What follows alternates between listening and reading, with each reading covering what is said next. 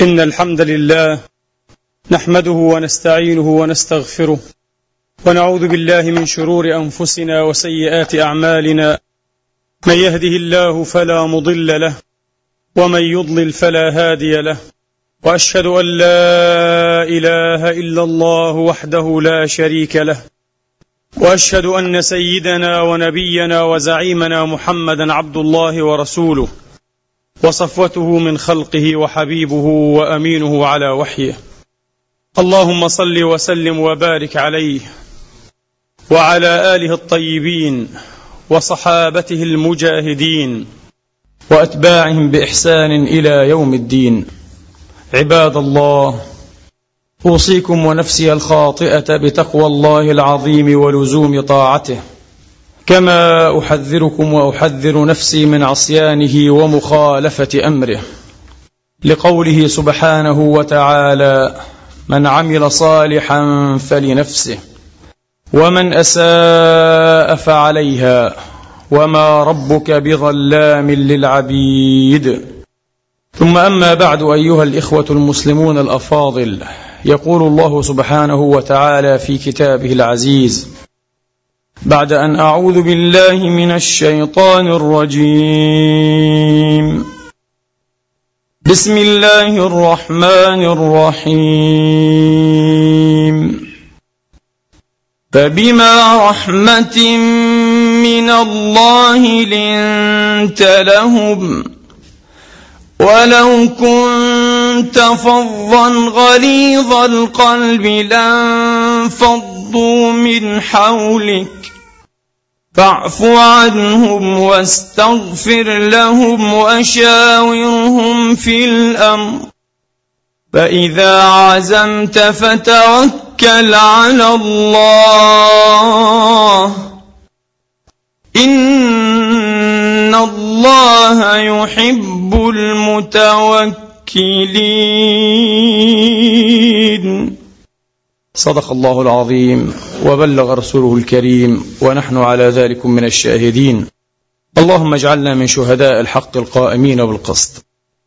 أيها الإخوة الأحباب ظاهرة غريبة غبر عليها شهور وهي تتجلى على شاشات الفضائيات العربية. ظاهرة استنزال اللعنات ظاهرة السباب والشتائم من جميع الألوان والأصناف كما يقال التي تواجه بها الجماهير العربية المسلمة الهائجة والغاضبة والساخطة هؤلاء الحكام والزعماء. يحلو لبعض أذناب هؤلاء السلاطين والعلماء أن يصوروها ظاهرة غوغائية. وفي الواقع فإن هذه الظاهرة تشارك فيها نسبة لا بأس بها من النخب العربية المتميزة. الشاشات على الأقل هي التي تؤكد وتدلل على ذلك. لما؟ إذا هي ليست ظاهرة غوغائية. إنها ظاهرة توجه رسالة واضحة أيها الإخوة إلى الأمة نفسها إلى الأمة جمعاء لتقول إن سر أسرار مسلسلات الفشل والعجز والانهزام والسلبية والتبعية والركود وحالة الاكتئاب والقتامة التي تعلو والتي تسود هذه الأيام الأمة بأسرها هم هؤلاء الحكام. هم هؤلاء الزعماء. لا ريب أن الأمة أيضا تتحمل قسطا وافرا من المسؤولية لا ريب في ذلك بتة. ولكن هؤلاء بالذات في هذه الأوقات العصيبة حين أثبتت الأمة أن إرادتها أقوى من إرادتهم وأن مخزونها ورصيدها أشرف وأسبق أيضا من مخزونهم. كما يقال في لغة الإعلام لقد سبقت الشعوب والأمم هؤلاء القادة والزعماء. ومن المفروض في القائد والزعيم أن يكون هو المتقدم. أن يكون في المقدمة لا في المؤخرة أو في المؤخرة. لكن الواقع يؤكد أن العكس هو الصحيح للأسف الشديد أيها الإخوة. ومن هنا كان الحديث الذي لا يمل كان الحديث الذي يجد كل مثقف وكل عالم وكل مصلح وكل شريف نفسه مضطرا إلى أن يبدأ وأن يعيد فيه هو حديث الاستبداد. هو حديث هذا الكابوس الجاثم على صدر الأمة. ومنذ عقود أيها الإخوة لقد عاشت هذه النظم أطول مما عاشت أكثر النظم على وجه البسيطة. إنها نظم عجوز شائخة منخورة الهياكل أيها الإخوة بالكلية ولكنها لا تزال تستمسك وبعنف وبشراسة بحقها المزعوم غير الشرعي والذي تساوم طبقات الأمة جميعا. على أن تعطيها الشرعية على أن تعطيها شرعية هذا التسلط المطلق. لقد جمعت علينا شرين. الشر الأول هو الاستبداد المطلق واحتكار السلطات. والشر الثاني هو مساومة الأمة. أستغفر الله. بل إرغام الأمة. بكل وسيلة وبألف وسيلة. على أن تعطيهم شرعية احتكار السلطات. وهذا شر ثان. وهذا بلاء آخر ويخب ويضع. جماعة بل جماعات ممن يسمون بالمثقفين أو بالعلماء أو بالإعلاميين لإعطاء هؤلاء هذه الشرعية. والتسليم لهم بهذه الشرعية الزائفة المأفوكة المخترقة. أيها الإخوة محور حديثنا في هذا اليوم سيدور حول ثمن الاستبداد. ما الذي ندفعه؟ ما الذي تدفعه؟ وما الذي ستدفعه الأمة ثمنا لهذا الاستبداد؟ كل ما دفعناه كل ما دفعناه ليس هو كامل الثمن أيها الإخوة. ولأكن صريحا كما عودتكم وأسأل الله تبارك وتعالى أن يحييني وأن يميتني صريحا لا أخشى في الله ولا أخاف فيه لومة لائم. طبعا لست بالبطل ولست بالجريء فأنا بحمد الله هنا في النمسا. في الغرب الأوروبي الذي كفل لنا مساحة حرية كبيرة جدا. لكي نتكلم ولكي نقول ما نعتقد بالذات في هذه الأوقات العصيبة. وقد طالما غبر علينا زمان كنا نحاول أن نبتلع فيه ألسنتنا وأن نظل صامتين لذريعة أو لحجة أو لذرائع أو لحجج شتى ولكن الوضع لم يعد يحتمل أيها الإخوة لأن الطوفان قادم. في الخطبة الأخيرة حدثتكم عن خطاب إسلامي. كيف يتوسل لغة التخدير ولغة التنويم والتمويت اليوم؟ استمعت من نفس المكان إلى خطاب مختلف. خطاب يحث على الجهاد يحث على الإعداد وعلى الاستعداد وعلى وجوب أن نأخذ أهبتنا لملاقاة أعداء الله. تعلمون لماذا؟ لأن الأخبار تقول إن هناك حشودا إسرائيلية صهيونية على حدود دولتين أو على حدود دولة وبالتالي دولة أخرى مجاورة بفاصل 25 كيلو متر هكذا هكذا يعتقل حتى الدين. هكذا يعتقل الخطاب الإسلامي. الخطاب الديني فضلا عن الخطاب غير الإسلامي. لقد اعتقلوا أيها الإخوة بعد أن استنزفوا رصيدنا من الوعي. اعتقلوا حريتنا في التعبير قدرتنا على أن نفكر قدرتنا على أن نفكك قدرتنا على أن ننقد ونحلل. وأرادوا لنا أن نكون كالآلات أيها الإخوة الرتيبة. متى ما ضغطوا على الأزرار عملت. ومتى ما ضغطوا عليها ذاتها تعطلت. إذا أرادوا لنا أن نتكلم في الاتجاه الفلاني تكلمنا. إذا أرادوا لنا أن نتكلم في اتجاه معاكس بالكلية تكلمنا. هل نحن مستغفرون وحمقى إلى هذه الدرجة؟ اللهم لا. اللهم كلا. فالحمد لله أن الله تبارك وتعالى أتاح لنا هنا في هذه الديار. كما قلت ليست بطولة وقد تكون بطولة مدعاة منا. ليست بطولة أيها الإخوة. لماذا؟ لأننا وبكل تواضع نقولها لو كنا هناك تقريبا لما اجترأنا على أن نتكلم لما اجترأنا على أن نقول وإلا كان سيطوح بأعناقنا برقابنا. وهذا ما يحدث يوميا بحسب سجلات الأمم المتحدة. ثلث المختفين على مستوى العالم كله في العالم العربي. قلت ما أشبه الليلة بالبارحة. الإمام الحافظ الأزدي رحمة الله تعالى عليه ألف قبل 1200 سنة تقريبا كتابا أسماه كتاب المختفين. يتحدث فيه عن العلماء والأئمة الذين قضوا حياتهم أو أشطارا من حيواتهم متخفين. لا يستعلنون لا في المساجد ولا في الشوارع ولا في أي مكان. عاشوا في الخفاء عاشوا في السر هاربين. واليوم بعد ألف ومئتي سنة وأكثر أيها الإخوة ثلث المختفين في العالم بحسب هذه السجلات في العالم العربي. في العالم العربي. في العالم الذي لا يزال الخطاب الرسمي والخطاب الذي يدور في إطار الخطاب الرسمي يحرص دائما على تأكيد الاستمرار استمرار الأوضاع. هي كما هي بل أسوأ مما كانت عليه. استمرار يحرص على الاستمرارية. منحازا ضد في مقابل بإزاء التغيير. بذريعة ماذا؟ كما قال أحد المثقفين الأحرار. بذريعة المحافظة على الاستقرار. أي استقرار؟ إنه استقرار القبور. إنه استقرار الأموات. إنه استقرار العدم أيها الإخوة. في عقود خلت حاولوا أن يضحكوا ونجحوا إلى حد بعيد عن الأمة. حين تخلفت وحين فشلت وسخطت كل مشاريعهم في التنمية والتحديث والتطوير. قالوا لأننا في حالة حرب مع العدو. فنحن نوفر هذه الأموال لماذا؟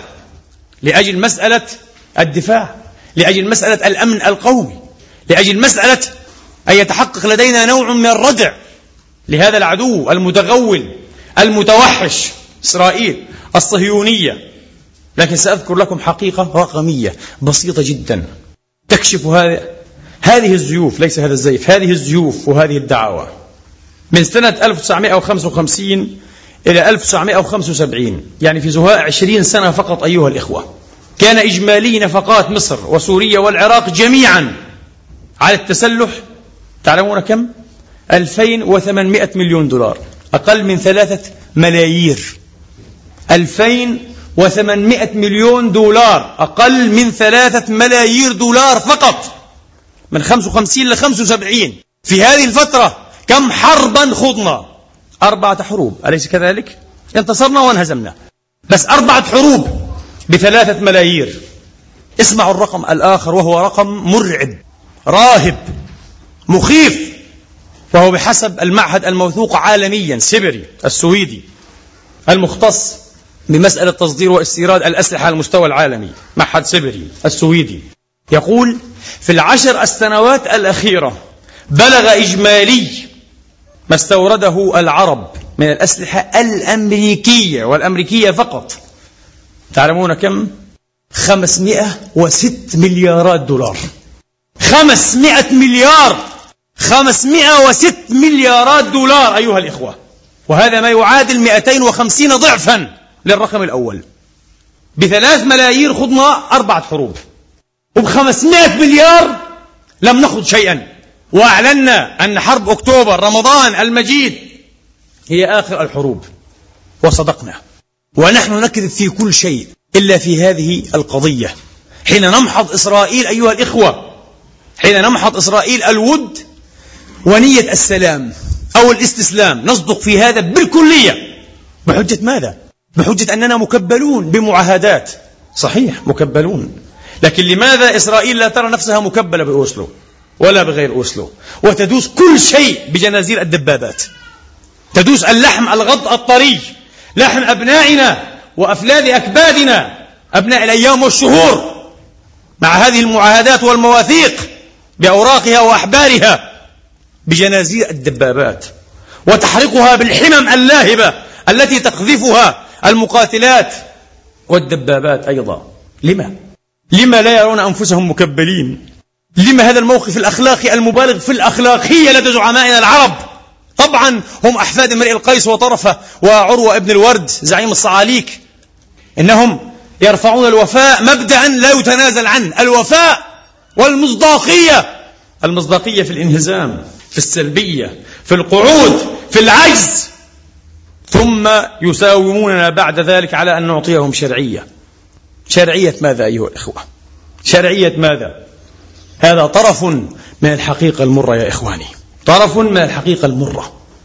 هناك سؤال أعتقد أنه يزعجنا جميعا ويثير فينا الغضب والحنق وأحيانا الاستخفاء الرغبة في الاستخفاء في التغفي. يقول بعض الناس بكل بساطة وسذاجة هل يعلم هؤلاء الحكام حقيقة ما يجري طبعا وفي ادعاء العلمية وفي ادعاء الفهم والتعمق. هذا السائل يزعم أنه يعرف ما لا يعرفه حكامنا. مسكين طبعا ومغرور إلى حد النرجسية. أنت تعرف ما لا يعرفونه؟ وهم ضالعون في القضية من الألف إلى الياء بعد اجتياح لبنان. صرح أحد كبار هؤلاء الزعماء. قال كنت أعرف ذلك وقلت لفلان الفلاني قبل أشهر من الكارثة من المصيبة. احذروا فإن إسرائيل ستغزوكم. كان يعلم. من أين كنت تعلم؟ من أين؟ لأنها طبخة عالمية. يشارك فيها هؤلاء أيها الإخوة بالسر وبالعلن أحيانا. الآن بالعلن أكثر. بالسر وبالعلن أحيانا أخرى. كيف لا يعلمون؟ ليست القضية أنهم يعلمون أو لا يعلمون. القضية هل يريدون أو لا يريدون. وقضية أن يريد هذا الزعيم. أو لا يريد أيها الإخوة فرع قضية أخرى وهي القضية المحورية بل هي القضية المحور التي نتحدث عنها اليوم. ما هي هذه القضية؟ هكذا نحفظها ببساطة أيها الإخوة. حاكم بلا شرعية لا يمكن أن يكون أمينا على قضايا أمته. حاكم بلا شرعية يمكن أن تنتظر منه كل شيء. يمكن أن تنتظر منه أن يكون نيرون آخر. نيرون الذي أحرق أحرق روما. بمن فيها وما فيها على رؤوس أصحابها. ولم لا؟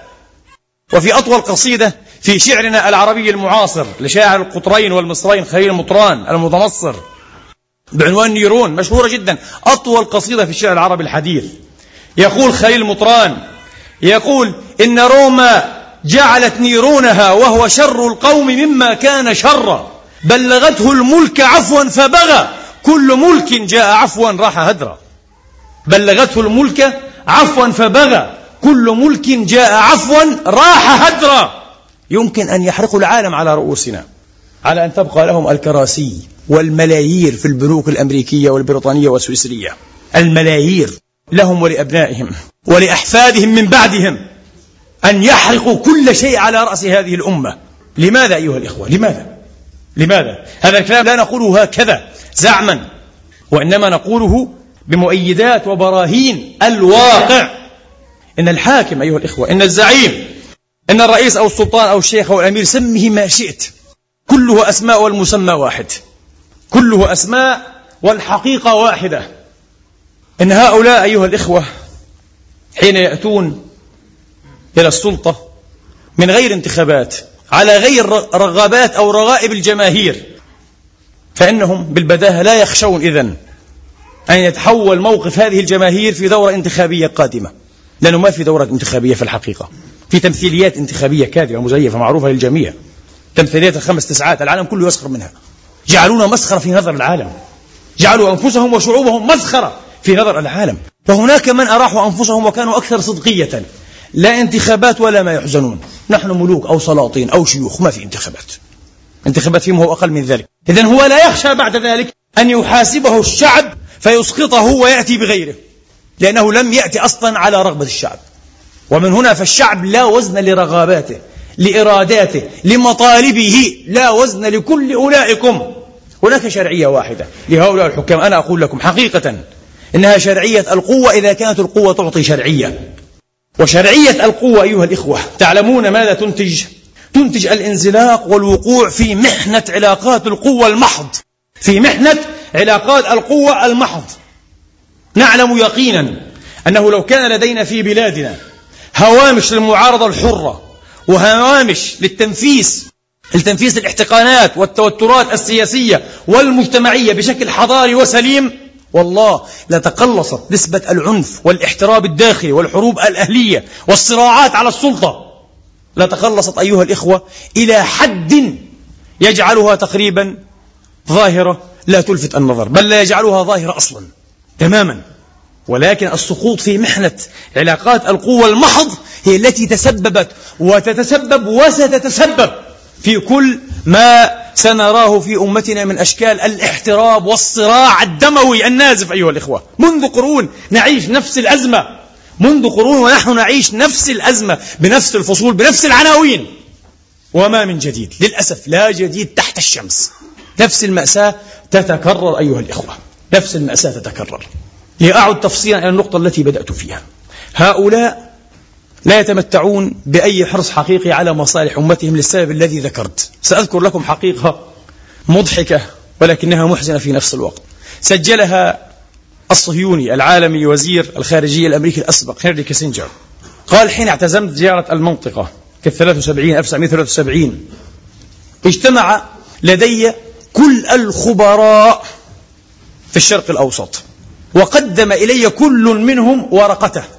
حتى قدم إلي الأستاذ ريتشارد هاس ورقته التي حازت على قبولي. وريتشارد هاس الآن هو المسؤول عن التخطيط في الخارجية الأمريكية الآن في الوقت الحالي. قدم ريتشارد هاس له ورقتين. ورقة بعنوان الشيخ والخيمة وورقة بعنوان آخر عقلية البازار أي السوق بالفارسية وبالتركية كلمة فارسية في الأصل. عقلية السوق. وقال لي هاس يقول كيسنجر ببساطة إنك ستقدم على هذه الدول وسوف تقابل شيخا في خيمته أو حتى في قصره ويسميها خيمة رمزا لأن العقلية عقلية خيمة والعقلية عقلية شيخ قبيلة فقط. حتى لو كان في قصر لا يضاهئه قصر جورج بوش أو حتى مزرعته في تكساس. المهم ستجد هذا في خيمته أو في قصره. فادخل إليه واعلم. تصوروا لقد اختصروا مأساتنا. والله لقد كان مصيبا هذا الرجل ولا يزال مصيبا. والله لا يزال مصيبا فيما قال. فاعلم أنك تقابل رجلا واحدا بيده الحل والعقد. إذا باعك أمته بيعت لك. إذا باعك أي شيء امتلكته. ما في رأي للنخب ما في مؤسسات مجتمع مدني ضاغطة بشكل سليم. ما في هياكل دولة صحيحة ما في مساهمات ما في مشاركات شعبية أو حتى رسمية حقيقية ما في رجل واحد. وهذا ذكرت لكم في أكثر من مناسبة نفس الحقيقة. ذكرها نيكولا ميكافيلي صاحب كتاب الأمير ومؤسس علم السياسة الحديث ولن أعيدها. ذكرها ولكن بصيغة أخرى. نفس الحقيقة للأسف الشديد. قال أنت تقابل رجلا واحدا بيده الحل والعقد. مهما باعك شيء صار ملكا لك. اطمئن! انتهى. مهما ساومك على أي شيء حتى على فلسطين حتى على الكعبة. ورحمة الله على شاعر الإسلام محمد إقبال. ذكرت لكم قبل أشهر كلمة له. قال هؤلاء يا رسول الله يا حبيبي. يخاطب محمدا صلوات ربي وتسليماته عليه حين زاره في مدينته على منورها ألف وألف تحية وسلام. قال هؤلاء يا حبيبي يا محمد قادر أحدهم على أن يبيع لباس فاطمة وجلباب أبي ذر وعمامة علي أو سيفة بلحظة معموس أو بكأس خمر. يتحدث عن زعماء المسلمين المعاصرين. محمد إقبال رحمة الله عليه. المتوفى سنة 36 في أول هذا القرن. يعلمهم تماما يعلم حقيقتهم. أيها الإخوة تساءلوا بالله عليكم. من الذي ضيع الأندلس وإلى اليوم لا تزال ضائعة؟ من الذي ضيع ملكا أناف على 800 سنة؟ من الحضارة والعمران والعلم والأدب والتفلسف والطب. والتسامح والعدالة والأنوار التنوير الحقيقي الإسلامي وليس تنوير الغرب. من الذي أضاع كل هذه المنجزات؟ التي تأسست في أكثر من 800 سنة واستمرت وتواصلت. إنهم أسلاف هؤلاء. إنهم أسلاف هؤلاء الحكام والزعماء. أي أيوة والله. وباعوها بماذا؟ نفس الشيء. بملك حقير. بقصر صغير. يمتلكه في مقاطعة بسيطة أو مدينة حتى مش مدينة مدينة صغيرة. ويقال له أمير المؤمنين. وذكرت لكم مرة أن العلامة ابن حزم رحمة الله عليه شيخ الإسلام الإمام الظاهري ذكر أنه في ديار الأندلس بويع مرة في يوم واحد لإثني عشر خليفة بعنوان عمرة المؤمنين. أمير المؤمنين فلان وأمير المؤمنين فلان وأمير المؤمنين فلان وتفرقوا شيعا ففي كل قبيلة أمير المؤمنين ومنبر نفس الوطن أسلاف هؤلاء أجداد هؤلاء الملعونين. وهم أيضا ملعونون هؤلاء الأسلاف. هم الذين ضيعوا ملكا بعد 800 سنة أيها الإخوة. لا يزال ضائعا اليوم في الأندلس. للشهوات للمصالح الشخصية. لغة المبادئ أيها الإخوة ليس لها قاموس. وليس لها ترجمان وليس لها من يرطن بها. فقط هناك لغة المصالح. اليوم الكل يتحدث بلغة المصالح. الكل كل هؤلاء القادة يتحدثون بلغة المصالح لا بلغة المبادئ. وحدها هي الأمة المرحومة. اللهم ارحمنا برحمتك التي لا تزال تصر على اجتراح لغة المبادئ. وحدها هي الأمة التي تجترح ولا تزال بفضل الله لغة المبادئ لغة الصدق. مع ذاتها مع هويتها مع تاريخها مع ربها. ولذلك أيها الإخوة تعلمون باليقين باليقين الحتم الجازم أن الرهان على هؤلاء العجزة الفشلة رهان أكثر من خاسر. أخسر من خاسر والله العظيم أيها الإخوة. أخسر من خاسر على شيوخ القبائل هؤلاء في خيامهم رهان أكثر من خاسر. يصفقون في بيعات يرهنون بها حتى مستقبل الأمم مستقبل الأمم. مرهون أيها الإخوة ونحن لا ندري. سأذكر لكم حقيقة خطرت على بالي وهي في الحقيقة ليست الحقيقة إنما هي خاطر. وأفضيت به إلى أحد أحبابي. بالله عليكم أيها الإخوة هنا في النمسا مثلا أو في ألمانيا جارتنا. هل يمكن للرئيس النمساوي أو حتى رئيس الوزارة المستشار عفوا أو المستشار الألماني هل يمكن أن يلعب بالأمة الألمانية كلها لعبة مع القوى الأخرى مثلا مع أمريكا أو غير أمريكا بحيث أن الشعب الألماني لن يدري حقيقة ما جرى إلا بعد عقد أو عقدين من الزمن. يأتي كاتب مثل محمد حسنين هيكل مثلا لدينا نحن العرب بعد 20 30 سنة ويدعي الحكمة بأثر رجعي ويأتيك بالوثائق. بعد 20 سنة صح النوم. صح نومك وصح نوم هذه الأمة أيضا. ندعي الرؤية والحكمة والمعرفة الموثقة بعد عشر أو عشرين سنة ونقدم الوثائق. من الذي امتن علينا بهذه الوثائق؟ هو العدو نفسه القوة أيضا العظمى. قدمت هذه الوثائق أفرجت عن شيء بسيط منها. لا يمكن أن يحدث وضع كهذا في الغرب هنا. لا يمكن. تعلمون لماذا؟ لأنه لا يوجد هناك حاكم بأمره. مستحيل. هناك قدر كبير جدا جدا من التشارك من المشاركة أيها الإخوة. قدر كبير جدا جدا من الشفافية. وقدر أعظم وأكبر من الرقابة والمحاسبة. ليس أحد أكبر من الحساب. ليس أحد فوق الحساب ليس أحد فوق القانون. السيادة الحقيقية ليست للأشخاص وليست حتى لبعض المؤسسات إنما هي للقانون روح هذه المؤسسات الذي يسير هذه المؤسسات رسمية وغير رسمية. السيادة للقانون للمعايير التي تبنتها الأمة ورضخت لها وأعلنت ولاءها لها. هذا ما يحدث في الغرب لكن الذي يحدث لدينا هو النقيض تماما.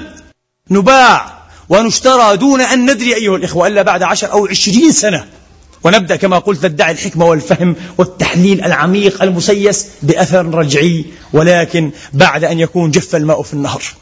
بعد أن تكون جفت المياه في النهر. وضاع كل شيء وصرنا أيضا إلى مسلسل جديد من الخزي والهوان والتآمر ونحن لا ندري.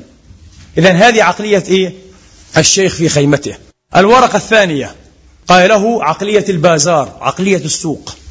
قال هذا الشيخ في خيمته أو في قصره؟ يعني هذا الحاكم طبعا الحاكم بأمره. لابد أن تتعامل معه وتتفاوض على أنك في سوق. طبعا سوق ما الذي تباع فيه؟ المواشي والأغنام البشر والقضايا والمقدسات كالأقصى وأرض فلسطين وربما أكثر من ذلك أو أقل من ذلك. هذا هو السوق. أمة أمة تباع أمة تسرق أيها الإخوة. سرقة أمة بيع أمة صفقة على أمة. كارثة. قال عليك أن تتعامل معهم إيه؟ وفق هذه العقلية. عقلية السوق عقلية البازار. سيقسم لك هؤلاء في أول النهار أن السعر لن ينزل عن الرقم الفلاني. سعرنا هو كذا كذا. ثمن القدس ثمن اللاجئين مثلا هو كذا وكذا. باختصار ببساطة. ولن ننزل. قال لا تيأس ريتشارد هاس ولا تحبط. وظل مفاوضا متحمسا وجريئا إلى آخر النهار وسيعطونك السعر المناسب. الله أكبر. أهكذا ينظر إلينا الأمريكان؟ نعم. ونحن لا نعتب عليهم لأن هذه هي حقيقتنا. حقيقة الزعامات والقيادات الملهمة الحكيمة التي تقودنا. تقودنا من دمار إلى دمار ومن عار إلى عار ومن هزيمة إلى هزيمة ومن مصيبة إلى مصيبة. ولا تزال ولا تزال مصر أيضا أيها الإخوة. فنسأل الله تبارك وتعالى أن يريحنا منهم وأن يبدلنا خيرا منهم. إنه ولي ذلك والقادر عليه. أقول قولي هذا وأستغفر الله لي.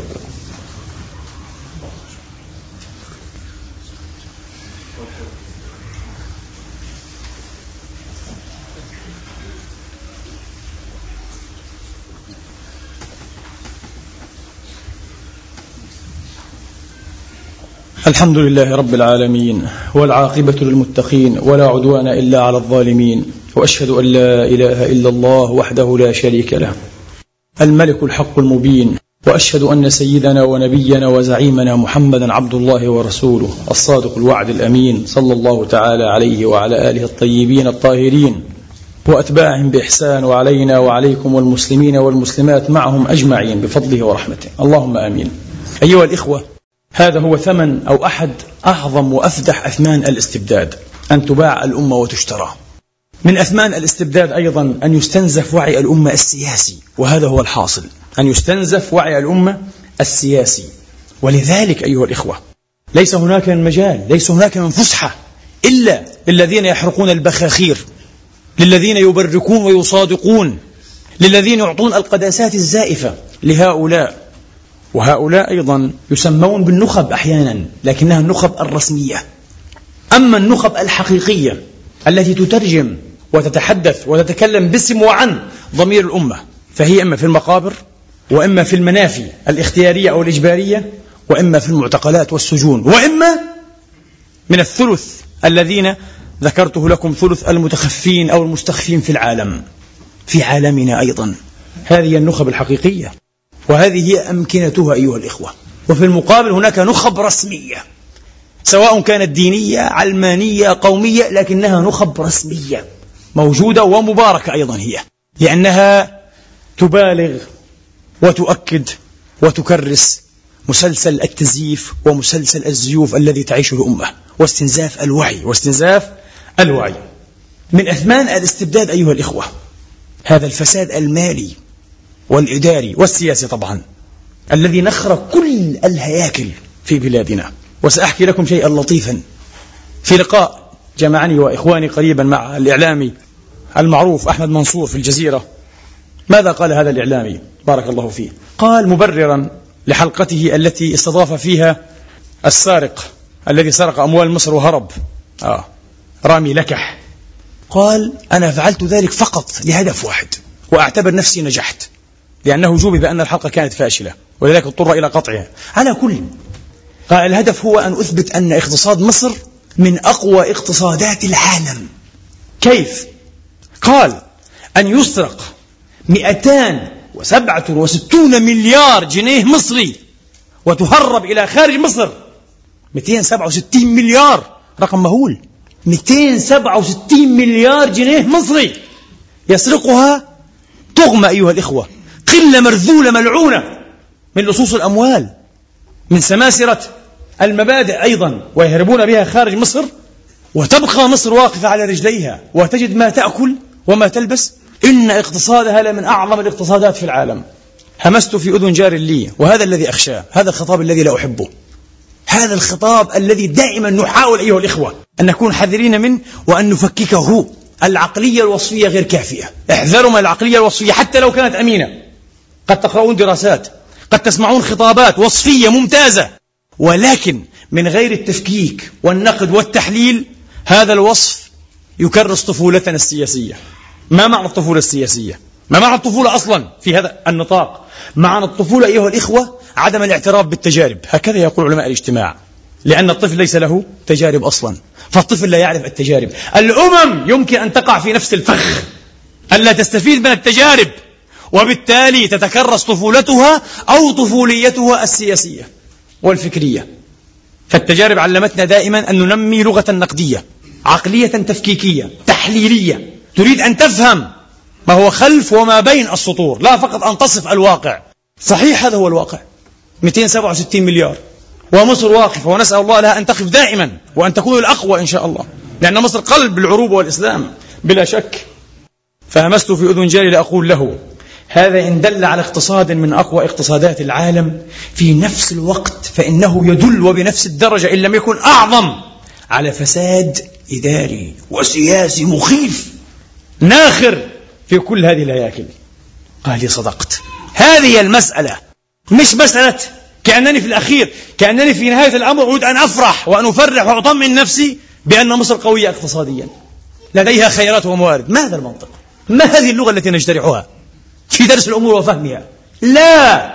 إن هذه الواقع هذا الرقم وحده يدل على فساد مخيف أيها الإخوة في أجهزة هذه الدولة.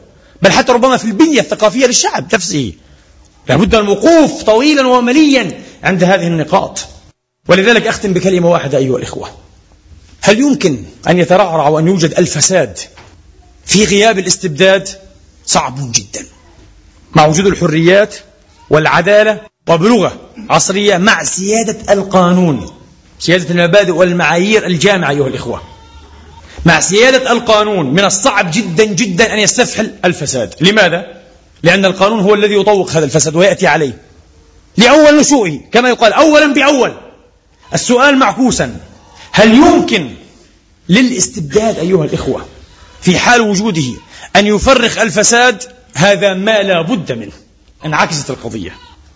انعكست القضية. ولذلك سر هذه الأزمات الطاحنة الماحقة الصاحقة التي نعيش ما هو؟ التحالف الدنس النجس بين الفساد والاستبداد. وهو في الحقيقة ليس تحالفا هو علاقة توليدية بمعنى أنها علاقة عضوية. فالفساد هو ابن الاستبداد. الفساد هو ابن الاستبداد. وتعلمون دائما حتى بلغة القرآن العظيم هناك تحالف بين فرعون وبين قارون وبين فرعون وقارون وبين الكهنة. الذين اتخذوا فرعون ربا لهم من دون الله. لا يريهم إلا أليس كذلك؟ إلا ما رأى. هكذا يطمعهم بالمال وبالترغيب والترهيب. تحالف بين الكهنوت وبين الاقتصاد الفاسد وبين السلطة المطلقة الاستبدادية. القرآن علمنا ذلك. إنها الأقانيم الثلاثة. إنها الأقانيم الثلاثة. والآن هناك دول عربية إسلامية عظمى أيها الإخوة. تعلمون من الذين يتنفذون فيها أسرع وأقوى من غيرهم؟ أصحاب الأموال. أصحاب الأموال. من خريبي الذمم والضمائر.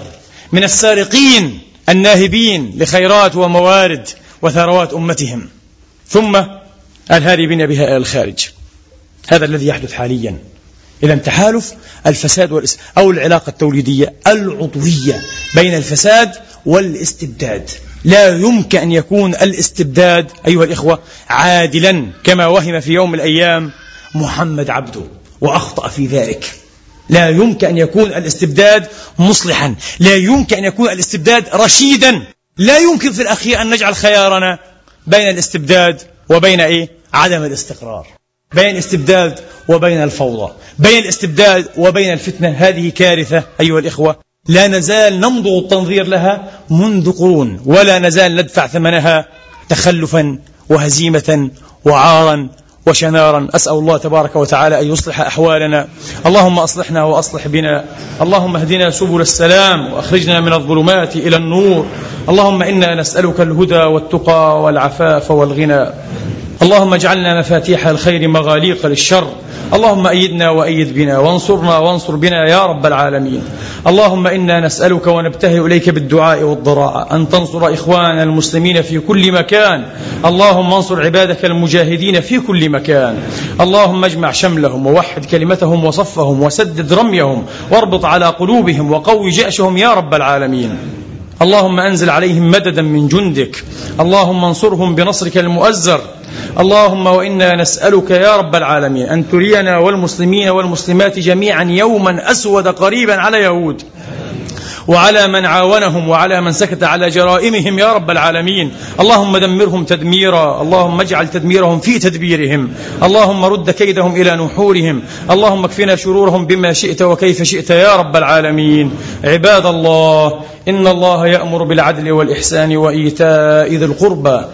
وينهى عن الفحشاء والمنكر والبغي يعظكم لعلكم تذكرون فستذكرون ما أقول لكم وأفوض أمري إلى الله إن الله بصير بالعباد وقوموا إلى صلاتكم يرحمني ويرحمكم الله